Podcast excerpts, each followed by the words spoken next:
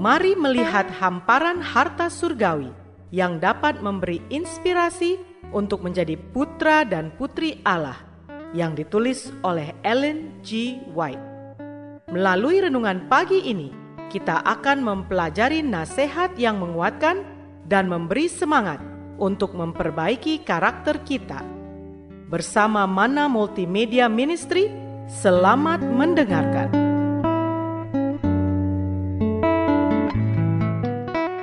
Shalom, selamat pagi saudaraku. Renungan pagi kita hari ini 11 Agustus berjudul Kristus telah melepaskan kita dari kematian yang kekal. Bersama saya, Pendeta Andri Daimbani. Ayat intinya diambil dari 2 Korintus 1 ayat 10. Demikian firman Tuhan.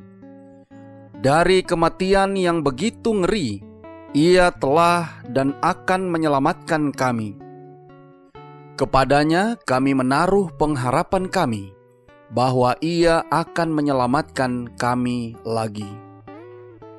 Mari kita dengarkan penjelasannya. Juru selamat kita datang ke dunia ini untuk menanggung dalam kodrat manusia semua godaan yang menyerang manusia. Dalam hidupnya, dia mengukur kekuatan musuh yang cerdik itu untuk menipu, memikat, dan menghancurkan. Sebagai penebus umat manusia, ia memperingatkan manusia agar tidak mencari hal-hal yang akan menuntun jauh dari jalan yang sempit. Dia telah menciptakan jalan raya yang mulia bagi mereka yang sedang berjalan menuju rumah surgawi yang telah Dia persiapkan bagi semua yang akan mempersiapkan diri untuk menjadi anggota keluarga kerajaan. Dengan hidupnya, Kristus telah membeli setiap manusia. Dia telah mati dengan kematian yang kejam untuk menyelamatkan manusia dari kematian abadi. Dia memberikan hidupnya yang tanpa dosa untuk memperoleh bagi orang berdosa kehidupan yang sesuai dengan kehidupan Allah.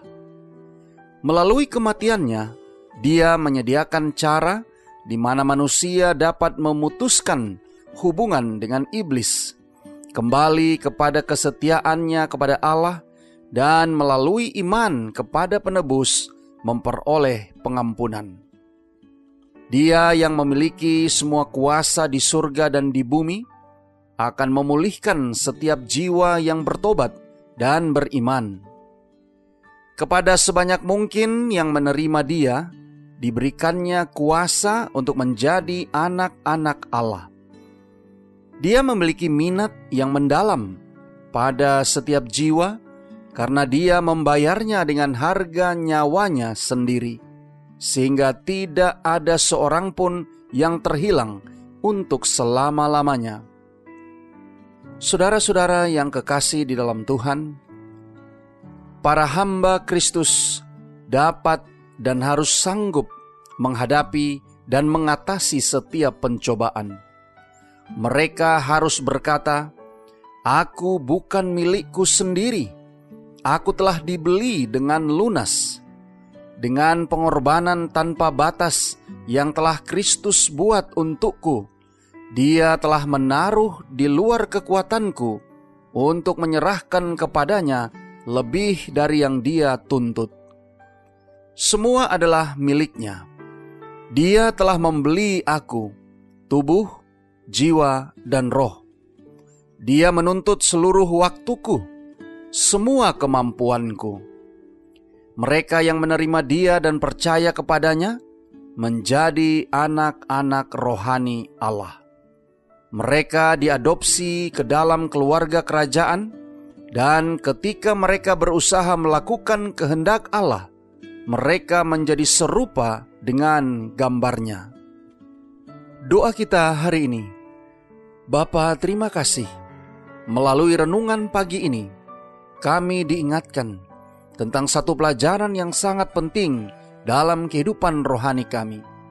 Terima kasih melalui renungan pagi ini kami diajarkan bagaimana kematian Kristus telah melepaskan kami dari kematian yang kekal.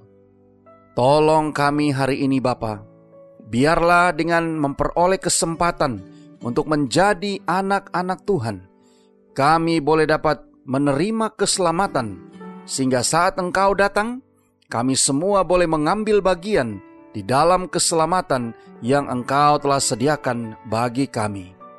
Terima kasih Bapa. Inilah doa dan permohonan kami kepadamu. Di dalam nama Yesus kami berdoa. Amin.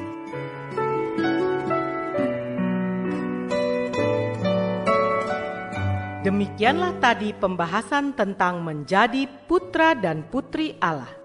Semoga firman Tuhan hari ini menjadi berkat bagi Anda. Sampai jumpa, Tuhan memberkati.